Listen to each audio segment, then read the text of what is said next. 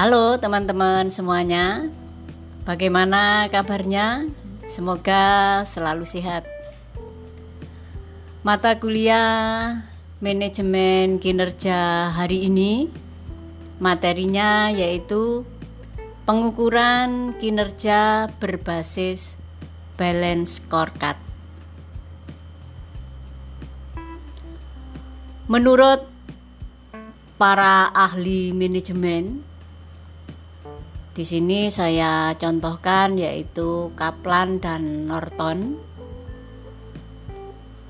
Balance scorecard itu terdiri dari kartu skor atau scorecard dan berimbang atau balance.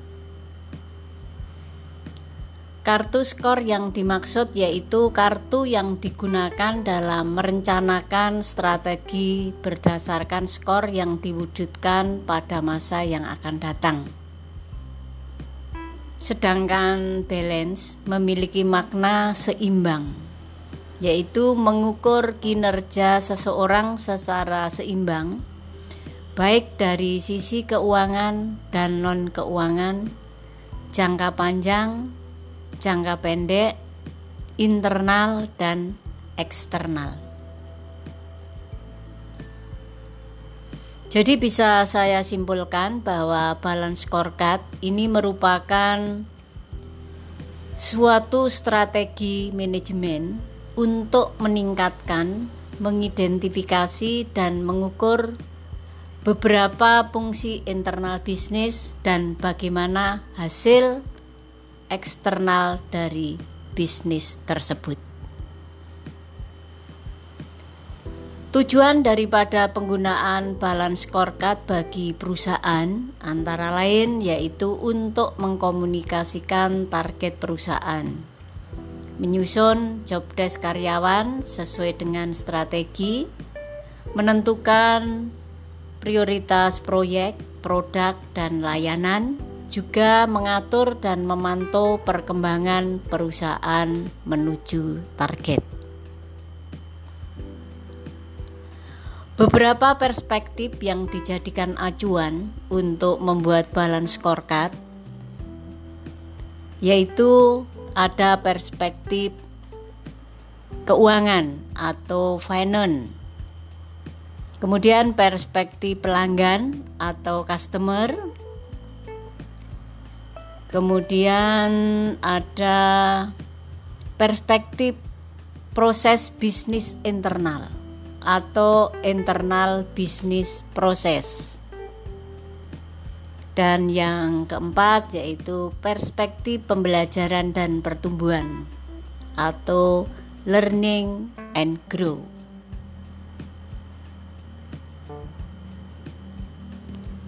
Mari teman-teman kita bahas satu persatu dari perspektif yang diacuan yang dijadikan acuan dalam membuat balance scorecard.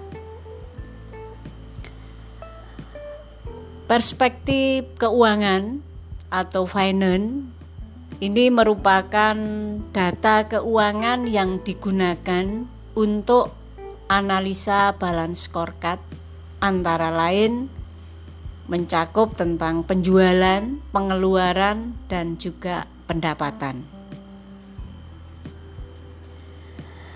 Dari data-data tersebut digunakan untuk memahami kinerja keuangan suatu perusahaan yang meliputi tentang return of investation atau ROI dan juga laba bersih di mana peningkatan laba bersih suatu perusahaan tentunya ini akan berkaitan langsung dengan peningkatan produktivitas dan customer satisfaction. Di mana customer satisfaction ini merupakan salah satu yang muncul karena para karyawan tersebut memiliki kompetensi yang handal di dalam melayani pelanggan. Kemudian perspektif yang kedua yaitu perspektif customer atau pelanggan. di mana dalam perspektif ini pertama kali kita harus atau apa yang harus dilakukan oleh perusahaan yaitu menentukan segmen pasar pelanggan yang akan menjadi target yang ingin disasar oleh perusahaan. Kemudian setelah segmen pasar ditentukan, maka langkah selanjutnya adalah menentukan tolok ukur kinerja dari tiap unit kerja untuk mencapai target finansial yang sudah ditetapkan. Beberapa aspek pelanggan yang bisa diukur kinerjanya antara lain yaitu customer acquisition. Maksudnya seberapa banyak pelanggan yang bisa diperoleh. Kemudian ada customer retention yaitu seberapa banyak pelanggan yang mampu dipertahankan. Aspek pelanggan yang lain yaitu customer satisfaction. Ini seberapa puas pelanggan tersebut terhadap produk atau jasa yang ditawarkan. Kemudian juga ada customer profitability. Ini merupakan uh, keuntungan khususnya dari sisi finansial yang diperoleh daripada customer. Sedangkan untuk market share ini adalah pangsa pasar yang bisa dikuasai dalam industri yang sejenis. Uh, itu tadi teman-teman beberapa aspek pelanggan yang bisa diukur kinerjanya dari beberapa perspektif yang bisa dijadikan acuan untuk membuat balance scorecard. Kemudian perspektif yang tiga yaitu perspektif proses bisnis internal atau internal bisnis proses. Ini di mana perusahaan harus mengevaluasi dan menyelidiki seberapa baik produk yang sudah diproduksi. Dari sisi manajemen yang digunakan dalam evaluasi ini adalah manajemen operasional Gunanya untuk melacak misalnya keterlambatan, kekurangan, juga fraud dalam produksi produk atau layanan perusahaan.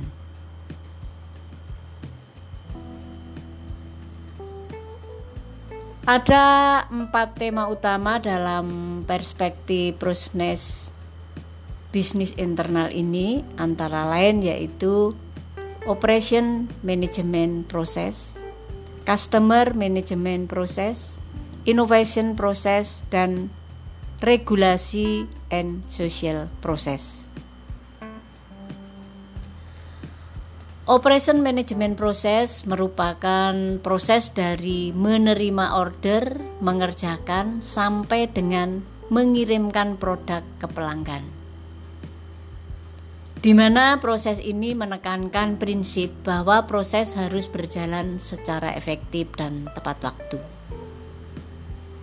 Untuk yang customer management process, ini merupakan suatu proses penanganan pelanggan, mulai dari mendapatkan customer, mempertahankan, dan meningkatkan nilai bagi pelanggan.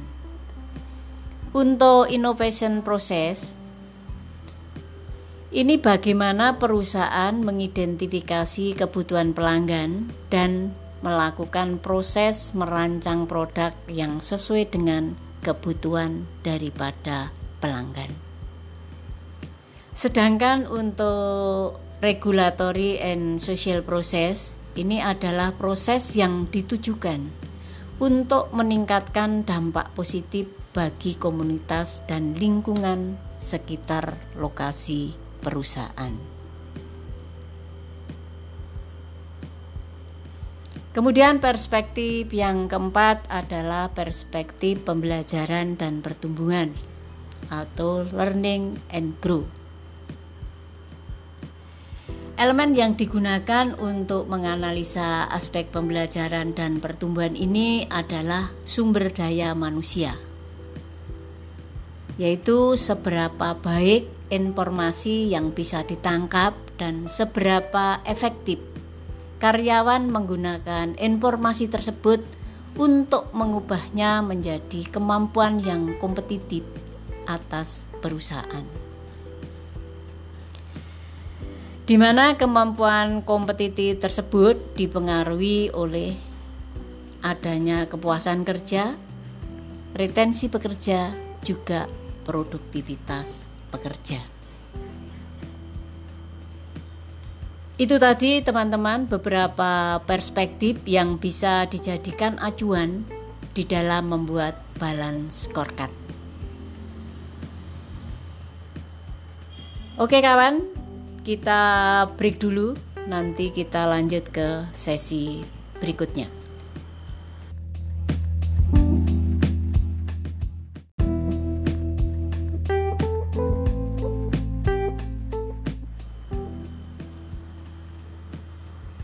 Oke teman-teman, kita lanjutkan kembali.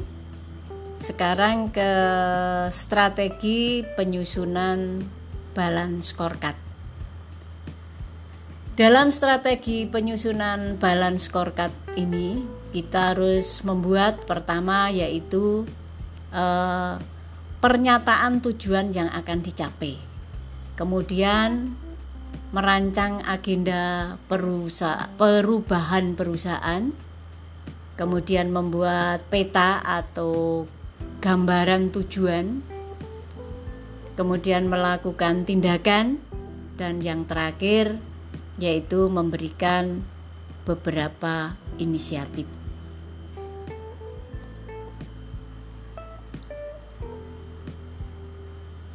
Untuk yang pertama yaitu membuat pernyataan tujuan yang akan dicapai. Pernyataan tersebut bertujuan secara jelas untuk mengkomunikasikan bagaimana tujuan perusahaan akan berbeda dari pesaing Anda. Artinya buat tujuan perusahaan itu berbeda dengan pesaing yang ada. Di dalam pernyataan tujuan ini harus mencakup tiga aspek, yaitu ada objektif, ada advance, ada scope. Kalau saya simpulkan, pernyataan tujuan perusahaan ini mengatakan kepada dunia apa yang akan dilakukan oleh perusahaan, bagaimana perusahaan akan menang atau memperoleh keuntungan, dan ke mana perusahaan akan melakukan atau menerapkannya di dalam lingkup perusahaan.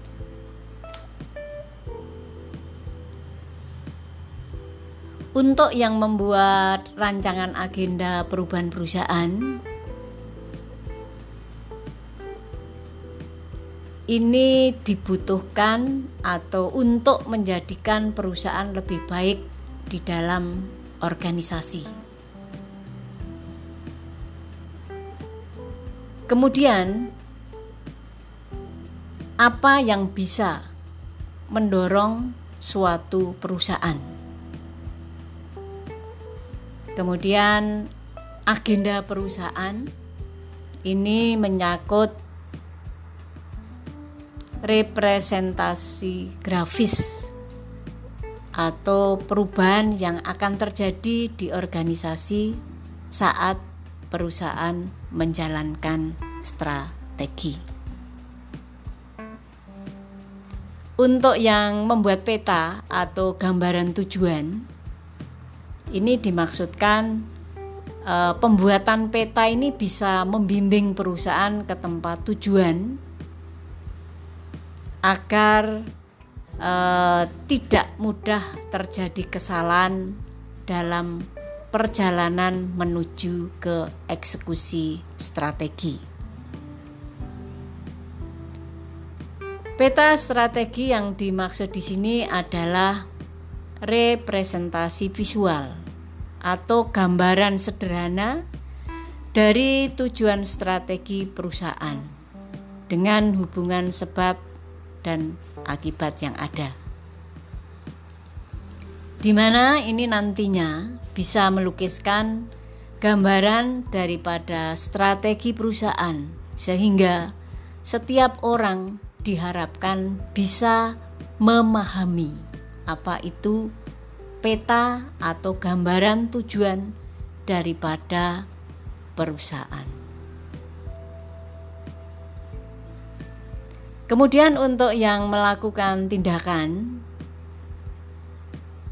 di mana setelah perusahaan memiliki peta perusahaan di sini kita saatnya untuk memikirkan suatu ukuran.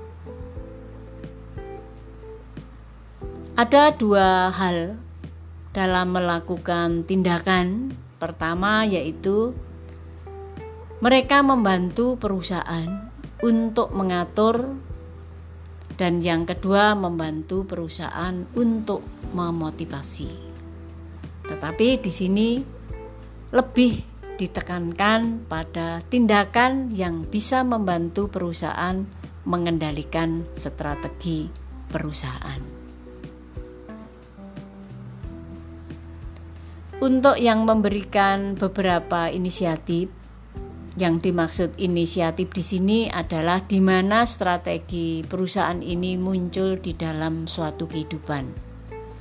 Kemudian proyek apa yang perusahaan butuhkan untuk memulai agar bisa menjalankan strategi tersebut.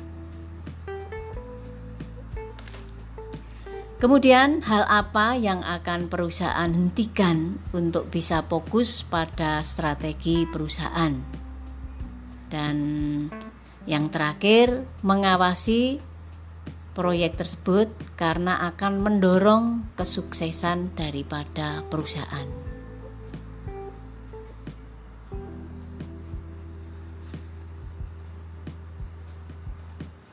Ini tadi uh, beberapa strategi di dalam penyusunan balance scorecard bagi suatu perusahaan untuk memperoleh tujuan daripada perusahaan.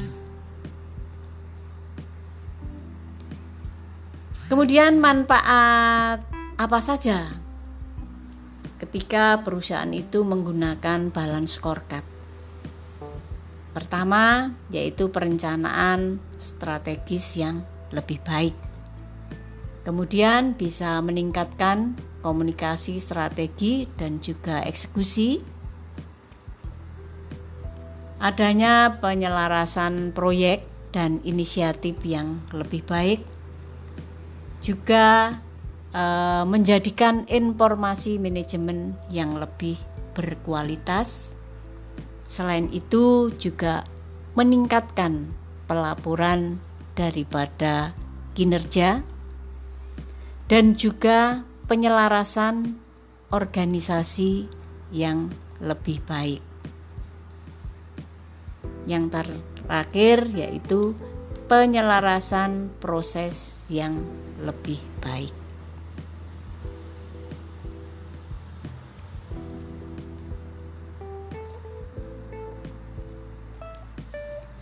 Mari kawan-kawan uh, kita bahas satu persatu manfaat utama dalam penggunaan balance scorecard buat perusahaan.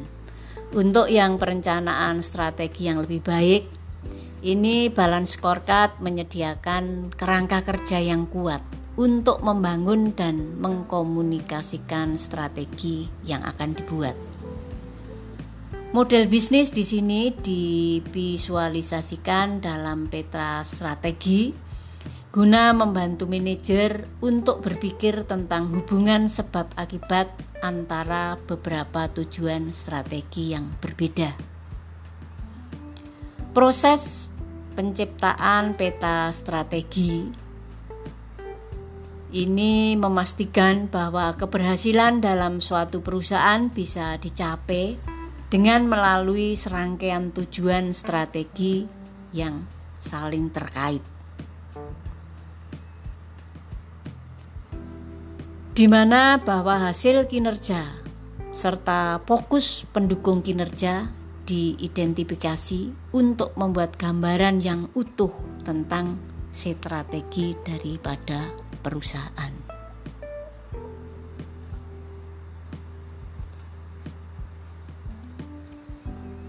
Kemudian yang kedua yaitu peningkatan komunikasi strategi dan eksekusi di mana dengan adanya balance scorecard tersebut mendorong peningkatan komunikasi strategi di dalam perusahaan baik itu internal maupun eksternal. Kolaborasi dan keterlibatan staf juga pemangku kepentingan dalam perusahaan tentunya akan berlangsung secara rutin di dalam sebuah perusahaan. Dan tidak hanya itu, juga adanya saling keterkaitan antar divisi juga bisa berdampak pada sistem kinerja perusahaan yang lebih terbuka dan dinamis. Untuk penyelarasan proyek dan inisiatif yang lebih baik, ini di mana balance scorecard bisa membantu organisasi memetakan proyek dan inisiatif ke dalam berbagai tujuan strategi yang berbeda. Di mana pada akhirnya nanti akan memastikan bahwa proyek dan inisiatif akan berfokus pada penyampaian tujuan yang paling strategi. Untuk informasi manajemen yang lebih berkualitas, di mana dalam pendekatan balance scorecard ini akan membantu organisasi untuk mendesain indikator kinerja utama untuk berbagai tujuan strategis perusahaan.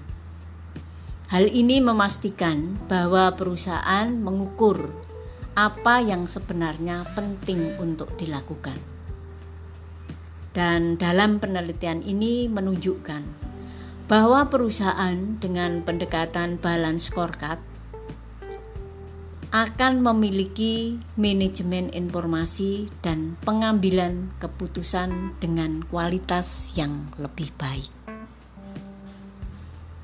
Untuk yang peningkatan pelaporan kinerja, dengan adanya balance scorecard, ini e, bisa menjadi panduan dari desain laporan perusahaan. Karena hal ini bisa memastikan bahwa pelaporan manajemen akan berfokus pada isu-isu strategis yang penting dan membantu perusahaan melakukan monitoring dari pelaksanaan rencana perusahaan. Untuk penyelarasan organisasi yang lebih baik, ini dimaksudkan bahwa dengan adanya balance scorecard memungkinkan perusahaan untuk lebih menyelaraskan struktur organisasi mereka dengan tujuan yang strategis. Untuk melaksanakan rencana dengan baik tersebut, organisasi perlu memastikan bahwa semua unit bisnis dan fungsi pendukung bekerja menuju tujuan yang sama. Kemudian mengimplementasikan balance scorecard ke dalam unit-unit tersebut bisa membantu mencapai penyelarasan organisasi yang lebih baik dan menyelaraskan strategi juga operasional di dalam suatu perusahaan. Untuk penyelarasan proses yang lebih baik, di mana dalam penerapan balance scorecard ini akan membantu penyelarasan proses organisasi seperti penganggaran, manajemen risiko, dan analitik dengan prioritas strategis di mana ini akan membantu menciptakan organisasi yang benar-benar berfokus pada strategi. Ada beberapa contoh perusahaan yang menggunakan balance scorecard antara lain PT Unilever, Sampurna, Gudang Garam, juga Gojek, juga ada PT Telkom.